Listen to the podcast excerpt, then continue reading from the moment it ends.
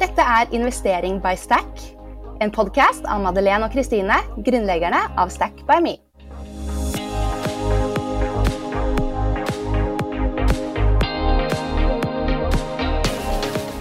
Hallo! Velkommen til Investering by Stack, podkasten der vi snakker om penger, investering og ofte en del om det å starte og drifte selskaper. Denne podkasten er sponset av oss, da.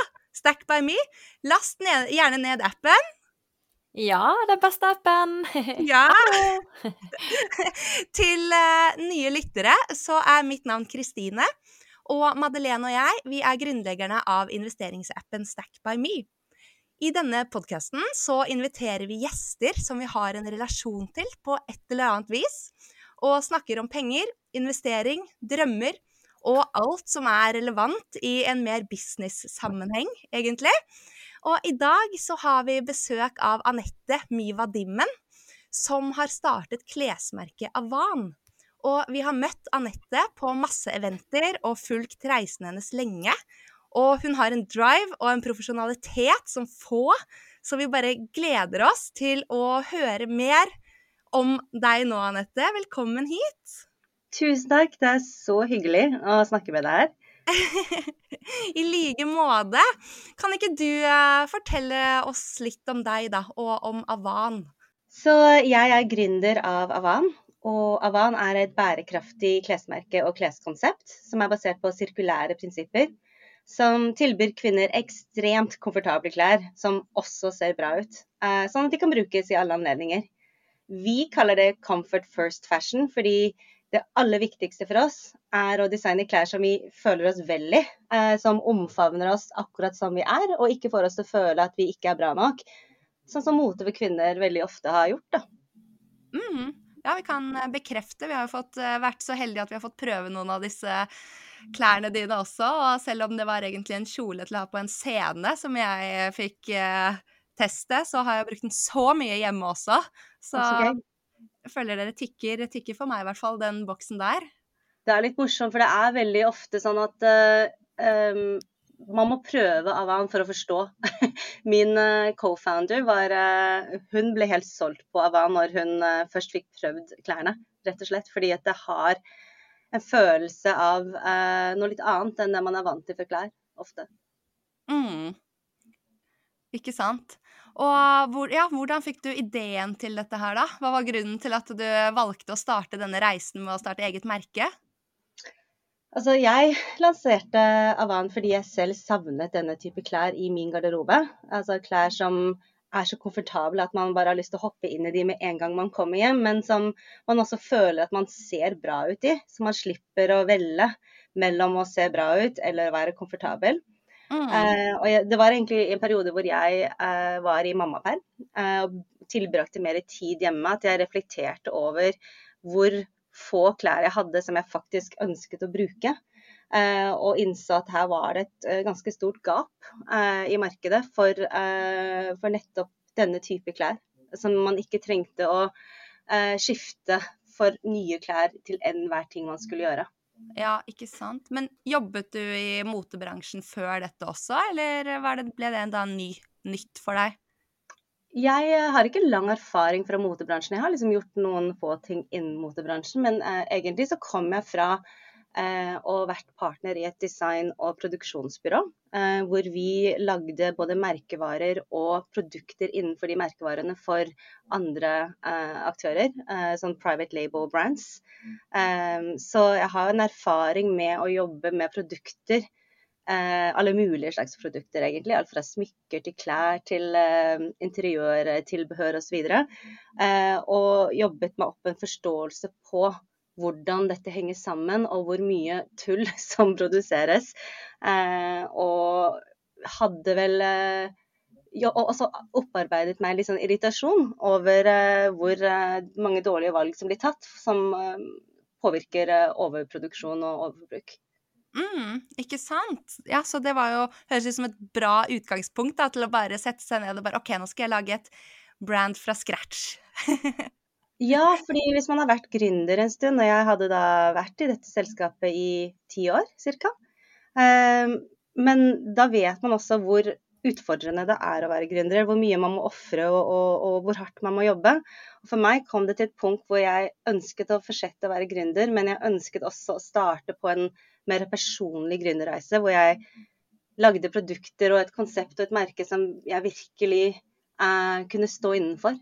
Mm, ikke sant.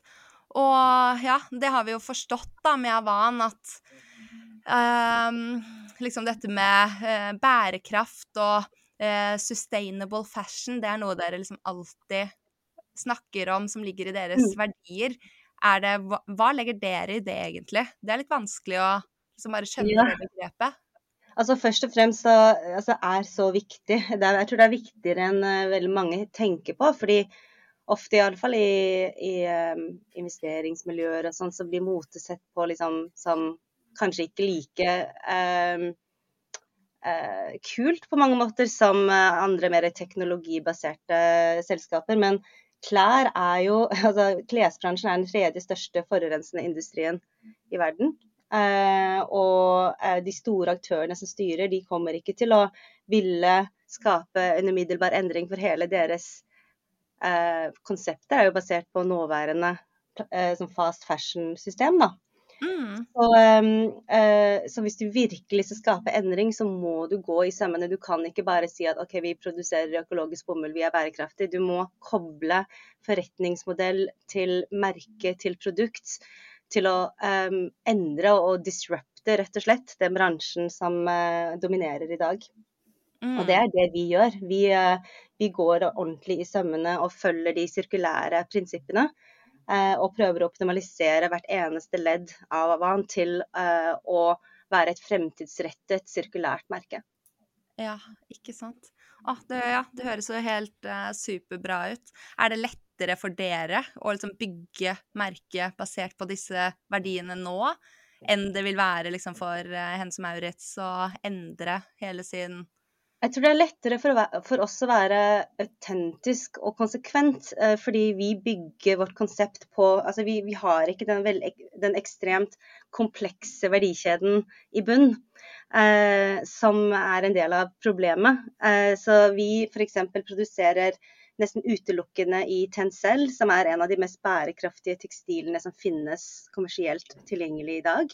Vi produserer eh, kun type klær som vi mener er eh, mest bærekraftig fordi det er klær som skal vare og brukes mye. Eh, vi eh, optimaliserer vår on demand, pre-order, datadreven eh, produksjon og salg, sånn at vi ikke overproduserer. Eh, og prøver å skape rett og slett en liksom annen verdikjede, da. Eh, som gjør at, at man faktisk eh, eliminerer de største utfordringene innenfor bærekraft i mote. Mens de større aktørene de er jo bygget på wholesale, de er bygget på en enormt kompleks verdikjede som skaper mye eh, waste. Eh, og det er vanskelig for de å, å backtracke, rett og slett. Mm. Ja, ikke sant. Det, det, er superviktig, den jobben dere gjør. Og så selv om de bruker masse penger på eh, å skape nye løsninger, og det er jo mye av innovasjon kommer jo fra de, for de har jo så mye penger, så kommer det til å ta lang tid før de kan skifte over helt. ikke sant? Fordi det er så, enorme, det er så store verdier som eh, er basert på nåværende eh, system. Mm det er akkurat det. Men uh, uh, Avan, sa vi hva det Hva står det for? Avan står for As We Are Now. eh, ja. Fordi det handler om å få kvinner til å føle seg vel i klærne sine as we are now. som sagt, jeg, jeg, startet merket da jeg var i mammaperm og kroppen min var i endring, og jeg følte meg ikke så veldig fin, rett og slett. Så um, det fikk meg til å reflektere over hvor mange perioder man går i livet hvor man er i endring, og, og, og kroppen er i endring, og man eh, har forskjellige behov, men at mote ikke er egentlig laget for, en, for, for, det. Det er laget for en veldig smal mal av kropp og livsstil, rett og slett. Så det ønsket jeg å endre på. Mm. Ah, jeg blir solgt. Kjenner meg igjen, holdt jeg på å si. Så det tror jeg veldig mange gjør. Men eh, ja, du, eh, du nevnte jo eh, at du har en co-founder. Hvor, Hvor mange ansatte er dere nå? Så vi er et team på fem personer som er fordelt på Oslo og Stockholm. Eh, men det er kun jeg som er fulltidsansatt eh, i Avan enn så lenge. Så alt det vi har fått til fram til nå, er jo veldig sånn det man kaller bootstrapped. Ja. hvor uh, alle som, er, som, jobber, jobber veldig hardt. Og får til mye for på lite budsjett. Så selv om Avan tjener penger og, og gjør det ganske bra, rett for et nisjemerke, så krever det mye å, å, bygge et stort internasjonalt klesmerke. Men Men bare for å veldig kort forklare hva bootstrap betyr, da. Så, ja. så, er vel det da at dere ikke har hentet noe ekstern kapital, bare deres egne penger? Ja, altså vi, eh, vi, vi, startet jo egentlig litt den vekstreisen vi er på nå, med eh, kapital fra Antler, som er en tidlig fase venture capital-aktør og akselerator. Så noe penger har vi jo hentet, men ikke i nærheten av det nivået som de fleste som skalerer opp, eh, på en måte har i bunnen for å kunne ta den vekstreisen. Ikke sant. Så da er vi jo egentlig på spørsmål tre, Kristine. ja, ja, ikke sant. Hvor, uh, vi lurte på det, da. Hvor mye penger dere har hentet totalt. Og egentlig hvordan dere har gått frem. Og du nevner jo Antler. Er det Fordi hvordan uh, nå kjenner jo vi også litt til Antler, da, gjennom uh, min mann, holdt jeg på å si, og jeg som Vi har jo vært i London, og uh, han startet jo Antler-fondet der. Det mm. snakket jo vi litt om, Anette. Det er litt, ja. Litt gøy. Men ja, hvor mye var, investering fikk dere fra dem? Så eh, Antler eh, investerer da en million ca. Eh, i et utvalg av startups som er med i deres akseleratorprogram. da. og Avan er, så vidt jeg vet, fortsatt den eneste norske klesmerket som Antler har investert i på et globalt plan. Mm. correct me if I'm wrong, men sånn har det iallfall vært siden vi fikk den investeringen. Så vi er egentlig veldig stolte av at de så noe mer i Avan enn bare et klesmerke. For det er jo derfor de har investert i oss, fordi vi har um, en teknologidreven uh, forretningsmodell og, som er skalerbar, og en intensjon om å skape endring og disrupte. Og løse et problem. Ja. Og reisen til Antler var veldig interessant. Jeg, jo, jeg fødte jo både barn og selskap samtidig. Eh, så eh, jeg var veldig usikker på om jeg kunne om jeg kunne rett og slett være med, fordi det, det var Antler i Stockholm som eh, vi søkte til. Uh, Antler i Norge hadde ikke uh, var vel egentlig i ferd med å bli etablert, men hadde ikke startet ennå. Og Anne Tutar, som da er leder for Antler i, i Norge, sa til meg at du må bare søke, for det er så vanskelig å komme inn. se om vi vil ha deg først, og så kan du ta en, et valg på om du blir med eller ikke. Eh, og så ble jeg akseptert med selskapet, for Avan hadde allerede måte, eksistert da et år. Eh, og, og, bare hoppet i det. Fikk det til å fungere på en eller annen måte, eh, og ble med. Og det er eh, Angrer ingenting. Det var en helt fantastisk opplevelse. Eh, og møtte da min co-founder Lisen, som kom fra tre år i McKinsey, som også ønsket å, å være på en mer verdidreven eh, reise videre i livet sitt. Ehm, og det ble da starten på Avan som det er i dag. Ikke sant. Og hun er hun eh, svensk, ja, for du sa det at dere er et team i Sverige òg? Ja, hun er svensk, eh, og vi har også våre e-commerce manager og CMO eh, i Sverige. Mm. Men da tok du med deg babyen og dro til Nei, jeg hadde heldigvis en kjæreste som kunne også ta vare på babyen. Ja, ja fordi Antler er jo sånn det er ganske intenst akkurat de ukene, månedene man er med på programmet. Jeg reiste fram og tilbake. Jeg reiste, var der i ukene, hjemme i helgene eh, en god stund. Og det var ikke lett, eh, men vi fikk det til. Og eh, ja, eh, kom oss på en måte videre og eh, fikk, og noen ganger også, når man er spesielt hvis man er eh, Altså, jeg var jo solo-founder eh, fram til da, og løp veldig fort. Eh, I den forstand at jeg gjorde veldig mye, men det er jo begrenset hvor mye du kan gjøre som én person også. Mm. Så når, da vi var i Antler, så pauset jeg egentlig litt opp farten for å kunne gå tilbake inn i å kjenne på hva er vi egentlig er, hvordan er vi skal bygge videre, hva er det viktig å fokusere på nå. Mm, ta et steg, liksom. Løfte mm. blikket litt opp og få den totale oversikten. Ja, for det er, det er, veldig lett å miste litt det når du løper så fort. Mm. Og du skal så mye, og du brenner for så mye, ikke sant.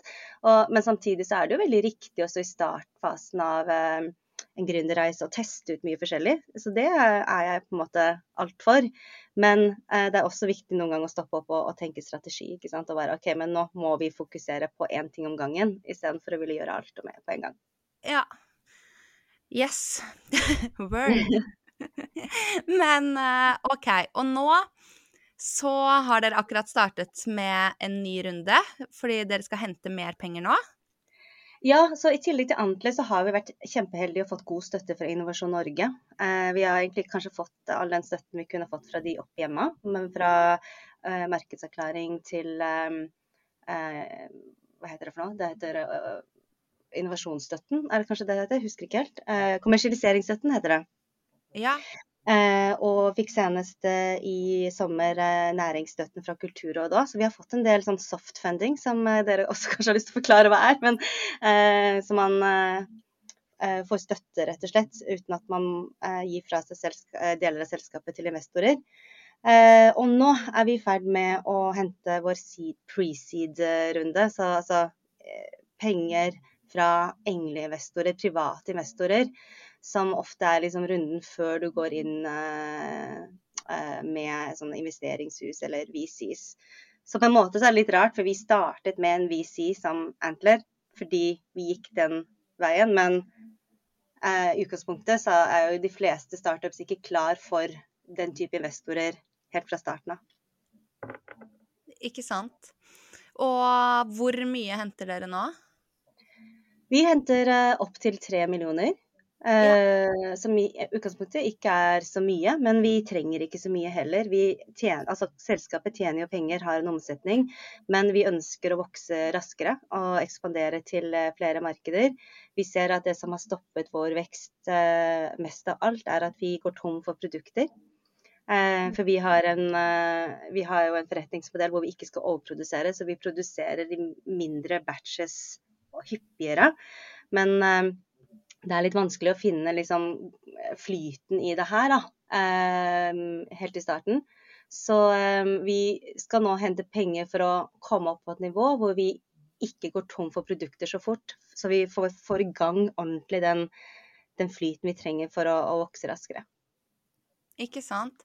Men og, correct me if I'm wrong here, men sånn type investering, kunne man ikke egentlig fått en slags eh, kredittfasilitet fra banken, hvis det er bare arbeidskapital? Det er, eh, det er, ikke bare arbeidskapital, det er mye det. Og så er det liksom å stabilisere teamet litt og få litt opp markedsføringsspend også. Men eh, ja, du har i utgangspunktet rett. Vi Um, vi bruker også annen type finansiering sånn, som heter revenue-based financing. Uh, men uh, bankene er ikke de beste for uh, å finansiere gründere som ikke nødvendigvis har de beste, altså som har positive resultater å vise år for år, før de har ordentlig kommet i gang. Um, og faktisk, uten å bli for teknisk med det, men det som er eh, faktisk den eneste negative tingen med investeringen fra Antler, at de investerer på slipp, eh, sånn at det legger seg som en gjeld i regnskapet ditt, eh, som heller ikke er så bra for banken for å få lov. Ikke sant. Ja, det er jo veldig interessant. Og revenue-based financing, kan du bare forklare liksom, hva det er, og hvem som gir det? Ja, det er en litt nyere form for finansiering som har blitt veldig mye større veldig fort. Som er spesielt nyttig for eh, e-commerce-selskaper. Hvor eh, du kan få finansiering basert litt mer på en eh, mer umiddelbar datadreven tilnærming til dine inntekter. Så uh, istedenfor å at en aktør regner seg fram til om du kan få lån basert på hva du tjente i fjor og året før der, så går de inn og så ser de ok, hvordan er veksten din nå. Eh, hvordan har den vært de tre siste månedene f.eks. Og så gir de deg lån basert på litt andre Eller finansiering da, basert på litt andre premisser. Og så eh, er det ganske vanlig da, at de da tar tilbake eh, delbetalinger eh, ved å koble seg direkte til din plattform eh, på en ukentlig eller månedlig basis. Så de er garantert å få tilbake ganske fort sin investering. Eh, og, eh, og, du som startup får da en investering til å Som kunne vært vanskelig for deg å få hos en bank. Ikke sant. Hvem er det som, som gir den type lån, da? Det finnes flere eh, nyere aktører, og det, det, begynner å bli et ganske sånn hett marked. Eh, og nå beskrev jeg vel kanskje bare den ene formen, for det finnes litt sånn forskjellige løsninger på det. Men jeg tror fellesnevneren er at er, de, har, de, har, sett at det er et uh, gap i markedet for å finansiere oppstartsbedrifter eh, som bankene ikke på en måte dekker. Uh, og vi bruker nå et selskap som heter Valerian Funds, f.eks., som vi har jobbet med noen ganger over en stund. Jeg er veldig fornøyd med det. Eh, vi bruker også på en annen type finansiering et selskap som heter Trade, som vi faktisk var i eh, samme cohort med eh, i Amper. Mhm. faktisk ganske mange av selskapene vi var i cohort med, gjør det kjempebra. Så vi er veldig stolte over cohorten vår. vi bruker også et selskap som heter Yalo på returhåndtering, som også var i, i samme cohort som oss. Så det er gøy. Ja, kult. Veldig bra nettverkeffekt også, da, når man møter så mange, og alle starter selskaper samtidig og er i samme bås, mm. holdt jeg på å si. Ja. Skikkelig kult. Vi... Og uh, vi har også god uh, dialog og et nettverk med andre direct to consumer uh, merkevarer, som er det Avan er også. Dvs. Si at man selger direkte til forbruker via en digitalisert plattform. Um, vi har også dannet et nettverk med andre sånne typer merkevarer i Sverige, eh, som er kjempenyttig. Også som kom ut fra Antler. Ikke sant. Nå ble dette en så stor promo for Antler. ja, ja. Ja, men det er sikkert kjempemange som Eller det, vi vet jo at det er jo kjempepopulært, og veldig mange som vurderer det. Så, mm. så det er bare Det er bra, det. Og at man er fornøyd med at man gjorde det, liksom. Det er, det er jo helt topp. Og, men vi føler jo at uh, Du sa i sted da, at tech er litt sånn hot, og så syns jo vi at fashion er jo litt sexy. Hvis man kan si det sånn. Men føler dere, fordi vi Eller ja, realiteten er jo at det er jo Fashion er sexy mot forbrukere, men uh, investorer, spesielt i Norge, uh, syns jeg da har hatt en tendens til å undervurdere eller rett og slett tenke at dette kan ikke jeg noe om, ikke sant. Ja. Eh, fordi Norge har jo ikke noe historikk på å bygge disse innovative consumer brands som de har i Sverige f.eks. Mm. Eh, og, ehm, og, så tror jeg også det er liksom et resultat av at mote har følt det så veldig har, har, har følt det så veldig ekskluderende. Eh, at man ikke kobler det til at det, det, det handler om, er jo faktisk klær som man bruker hver dag, alle sammen. Ja. At hver gang man våkner og kler på seg, så tar man et bevisst eller ubevisst motevalg. ikke sant? Så det er, eh, det er ikke noe du trenger å kunne så veldig mye om, fordi at du kan mye om det. Du, du tar et valg eh, hver dag når du kommer til klær og mote. Ja. Eh, så, og så er, er, jo Avan også et litt annen type oppstartsselskap eh, enn mange av de som vi sitter i miljøet med i disse tech-startup-miljøene. Vi eh, er et merke som har eh, inntekt. Vi kan vokse sakte hvis vi vil, ikke sant? Og, og, og overleve en, god stund. Det er ikke sånn at vi har en veldig kort runway, f.eks.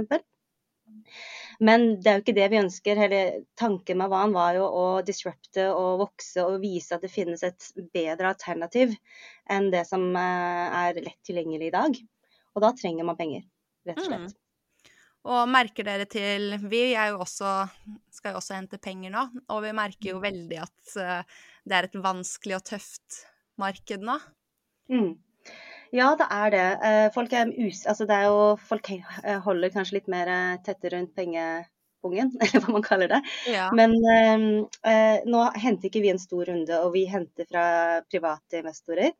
Eh, så det vi merker, er at de vi snakker med og som er veldig positive til oss, er, de tenker jo litt det at vi er Det er ikke så stor risiko eh, å investere i Avan. Det er et selskap som har bevist at vi selger bra. Vi selger til kunder som kjøper produktene våre igjen og igjen. Det er et lønnsomt produkt, det er en skalerbar forretningsmodell, og det er et ambisiøst internasjonalt konsept. Så um, da, og de investorene føler ikke at de trenger å ha liksom kjempemye kunnskap om mote. Hvis du skjønner hva jeg mener? De tenker forretningsutvikling og skalerbarhet. Mm. Og sirkularitet, da. Bærekraft. Mm. Ja. Ja. Hva tenker du, Madeleine? Nei, jeg tenker jo at du har eh, stålkontroll på dette med å bygge selskapet ditt og funding. Men vi lurer jo også veldig på om du investerer noe privat i et type litt lavere risikoaktiva eh, som aksjer eller fond, eller investerer du noe i andre startups? Ja, så her skal jeg være uh, ærlig og si at jeg har investert alt jeg har i Avan. Uh, rett og slett. Så det er kanskje ikke det smarteste man gjør med å uh, putte alt i en pott. Men jeg mitt, mitt, utgangspunkt er jo Jeg er jo ikke økonom eller forretningsutvikler eller liksom, har ikke gått på BE. Jeg er jo en kreativ person som har skjønt med eh, å være litt sånn hustler og gründerperson at jeg elsker business, men at jeg eh, har måttet lære det underveis. Eh, og faller vel kanskje litt i den kategorien som dere retter dere mot, eh, med folk som faller litt utenfor eh, det å investere, for de føler ikke at de kan nok om det. Eh, så det er det ene, men når du er på en gründerreise og du satser så hardt som det vi gjør med Avan, så er det så altoppslukende at eh, man blir litt sånn, får litt sånn skylapper for alt annet, rett og slett. Ja, jeg ser den. Vi driver jo en fondsplattform, så vi, vi må jo gjøre litt begge deler. Men du som Det er jo interessant, da. Du som føler at det har gått litt forbi deg tidligere. Eh, hva syns du om stek, da? Er det noe som, eh, når du kommer litt opp å kjøre, kunne vært eh, noe for deg? Ja, så jeg synes som sagt det er kjempe... Jeg, kjenner meg jo godt igjen. Jeg vil jo si at Hadde ikke det vært fordi at jeg var en sånn altoppslukende gründer, så er jeg jo midt i målgruppen deres. Noen som, som er mer og mer interessert i å forstå seg på hvordan dette fungerer og ta de smarte valgene men som ikke i utgangspunktet vet nok om det fra før av. Så, så, alt som eh, Alle verktøy og um, informasjon man kan få som hjelper kvinner med å, å være med på verdiskapingen og på vekst eh, Altså på eh, hva, hva, kaller man det? Liksom bare å være med der pengene er, er, jo, er jo viktig. Eh, der føler jeg jo at eh, Stack og Avan deler eh, samme verdigrunnlag. Det med å, å, å få kvinner med og, og, bevisstgjøre viktigheten av å Av eh, ja, av å eie Penger og komfort og altså liksom alle disse ting, alle, alle de områdene hvor vi ikke har vært så bevisst, bevisste før. da. Mm. Og vi har jo veldig sånn eh, filosofi på at uh, hvis man kommer i gang, man starter med fond, man kan kjøpe seg noen aksjer, fordi at da får man et uh, Man får en uh, Ja, hva heter det? Man, man, får eierskap til noe, da. Og, og at igjen at dette kan bygge seg opp til noe større, at man blir vant til å ta eierskap og ja, rett og slett være med å påvirke mer av verden, ja. ikke sant? Men du, ja, du hoppet jo bare rett opp på, på toppen. Du, du, bare hoppet over alle stegene, og så rett inn i å eie ditt eget selskap og forandre hele motebransjen. Så det er jo bold. Altså, Adrian var en kjempe Det var et kjempeleap, et hopp, som du sier, for meg. Jeg, eh, jeg visste ikke noe om uh, digital, digital, forretningsdel og e-commerce altså ingen av de tingene som er så grunnleggende for Avan nå, var jo noe jeg hadde bakgrunnskunnskap om, men jeg hadde en visjon. Og jeg visste at uh, for å kunne levere på den, så må jeg lære meg alle disse tingene. Og det var det egentlig det viktigste for meg, å være på den reisen personlig. Samtidig som jeg bygget dette selskapet. Mm. Uh, og det tror jeg det handler om for veldig mange nå, å bare hoppe og være med på reisen, rett og slett det er det. Så ja. Mm. Vi får, når du er godt i gang med denne reisen her, skal vi hjelpe deg etter hvert ved å sette opp sånn månedstrekk og spareavtaler og sånn. Men det må jeg også si at grunnen til at jeg, eh, det var viktig for meg å få en co-founder, var at eh, jeg trengte å, å, få en partner som var flink på det jeg ikke eh, var flinkest på.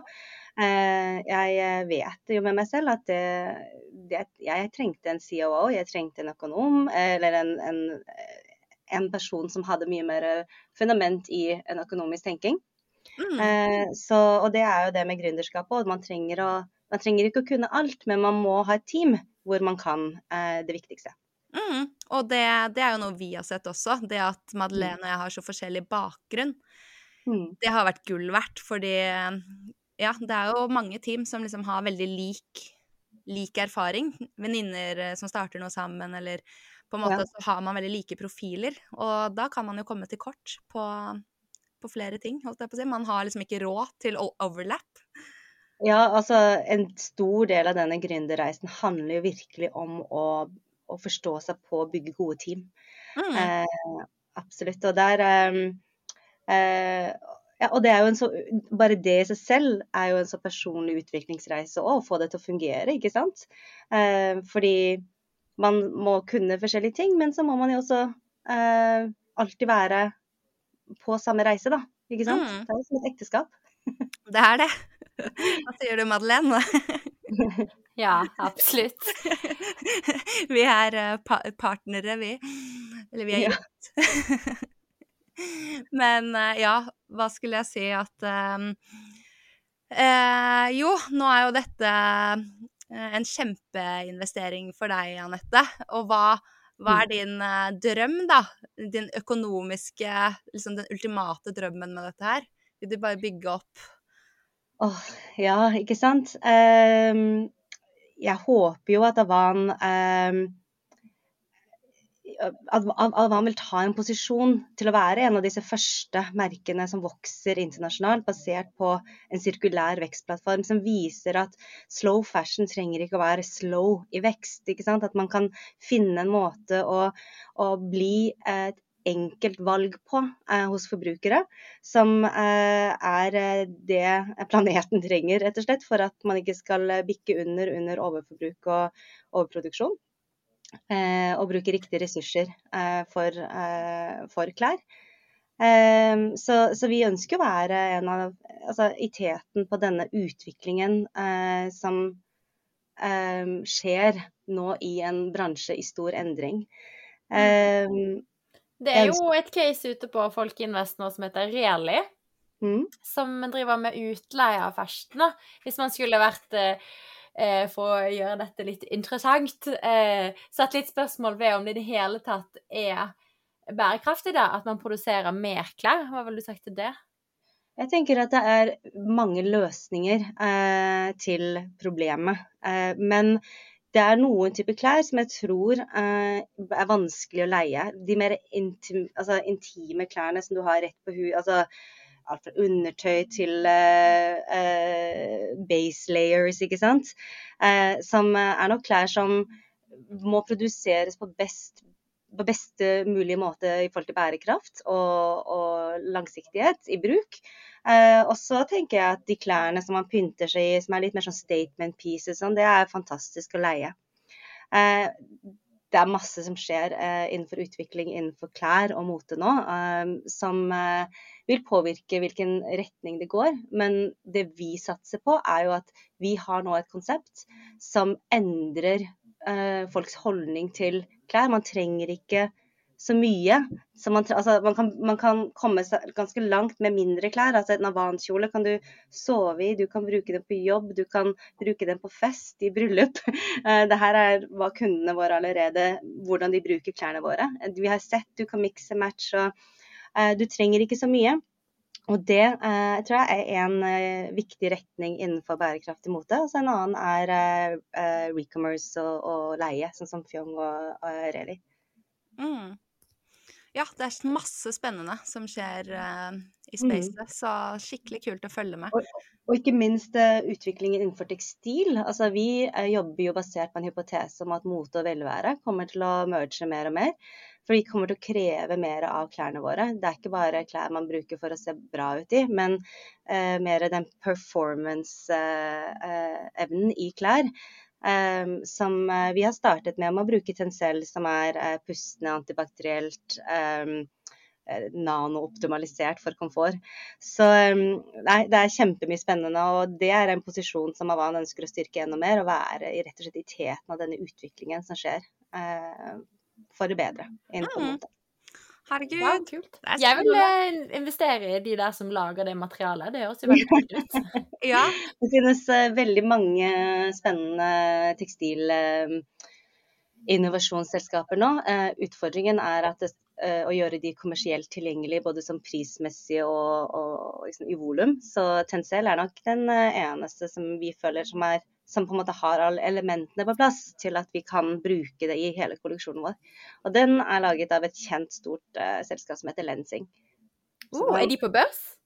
Du, det vet jeg ikke, men de er store. De er, og de har eksplodert i den siste tiden når uh, den type tekstiler som er laget av eh, naturlig fiber, eh, men som er styrket eh, og gjort mer, eh, altså optimalisert mer, blir mer og mer viktig for fremtiden av, av klesindustrien.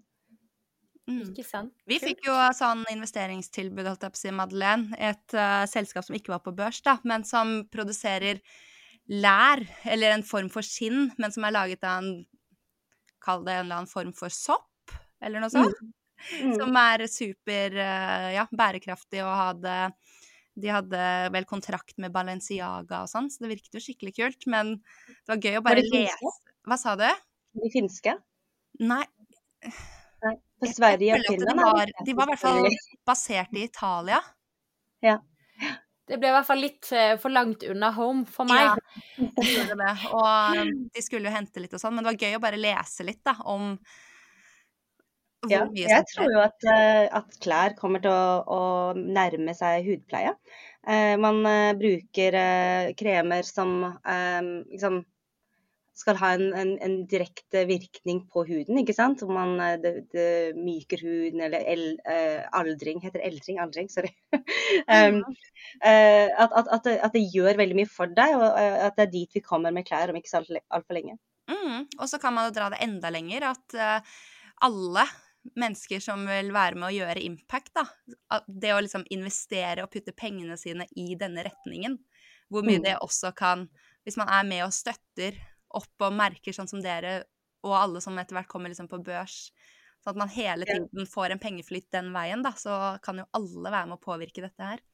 Det er som sagt så viktig at disse aktørene som nå virkelig jobber for de gode løsningene, får den støtten. fordi ellers så vil eh, det som er lett tilgjengelig for deg, være de, Det vil ikke være de mest bærekraftige valgene. Eh, fordi de store aktørene de, de, de, bruker tid, for å si det sånn. Mm. Ja, de gjør det. Men hva er, apropos alle disse gode investeringene, du, hva er det neste du har lyst til å investere i? deg? Er det noen sektorer du syns er gøy utenom mot det? Eh, altså, jeg eh, er jo en person som hvis jeg først kaster meg inn i noe eh, og syns noe er interessant, så må jeg vite alt om det.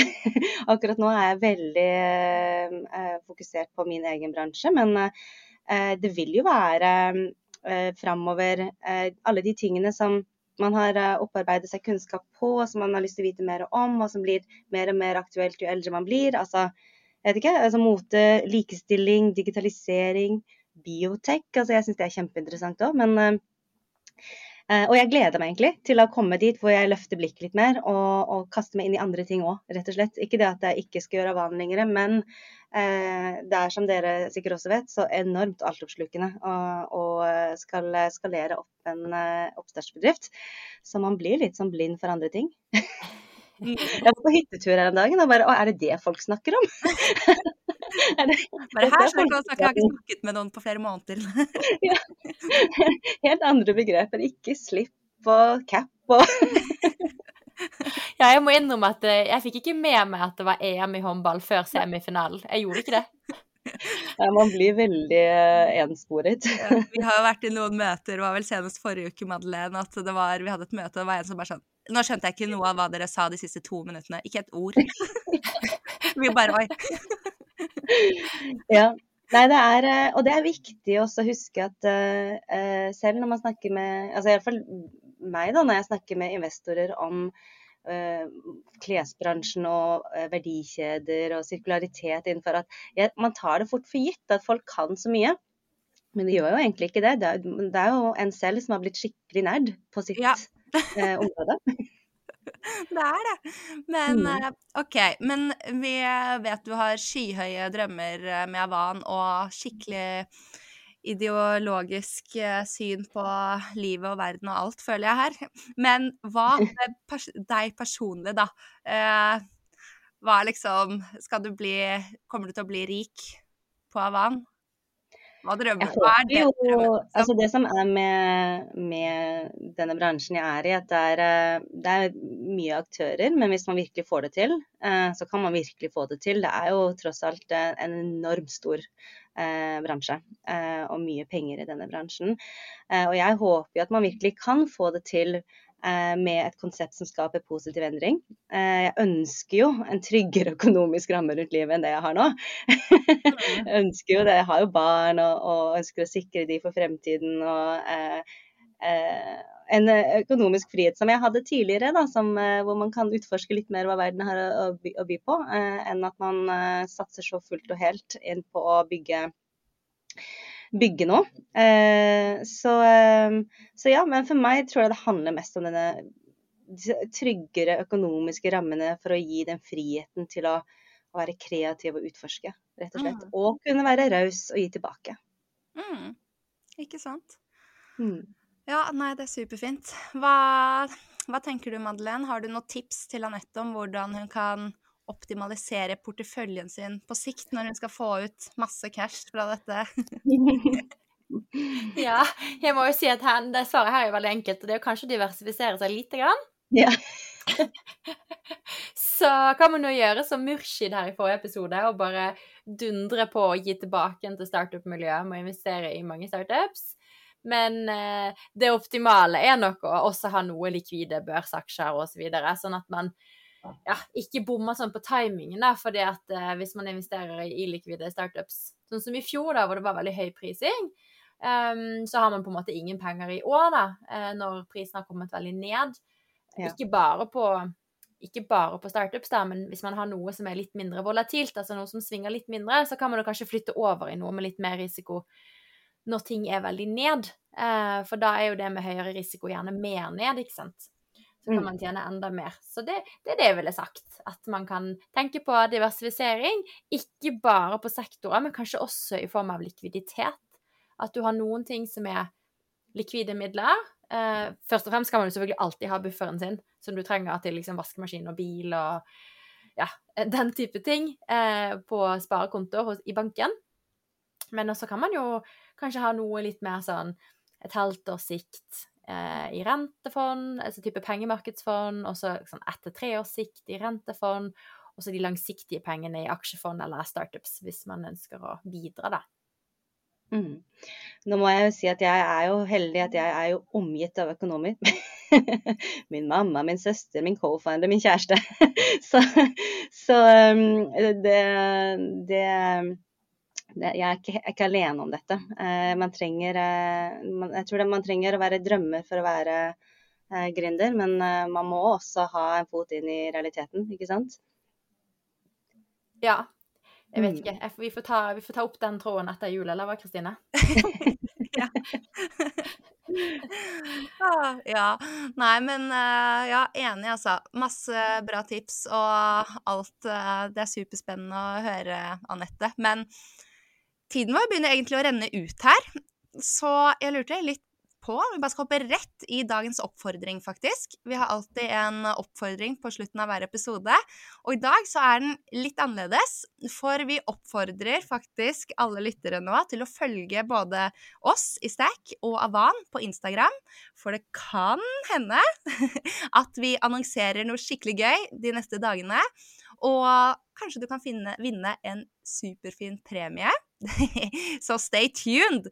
Men uh, vi kan jo kanskje nevne da, stikkord som julekalender, første søndag i advent, avanplagg Én-til-én-session med Madeleine, eller hva? Hva sier dere?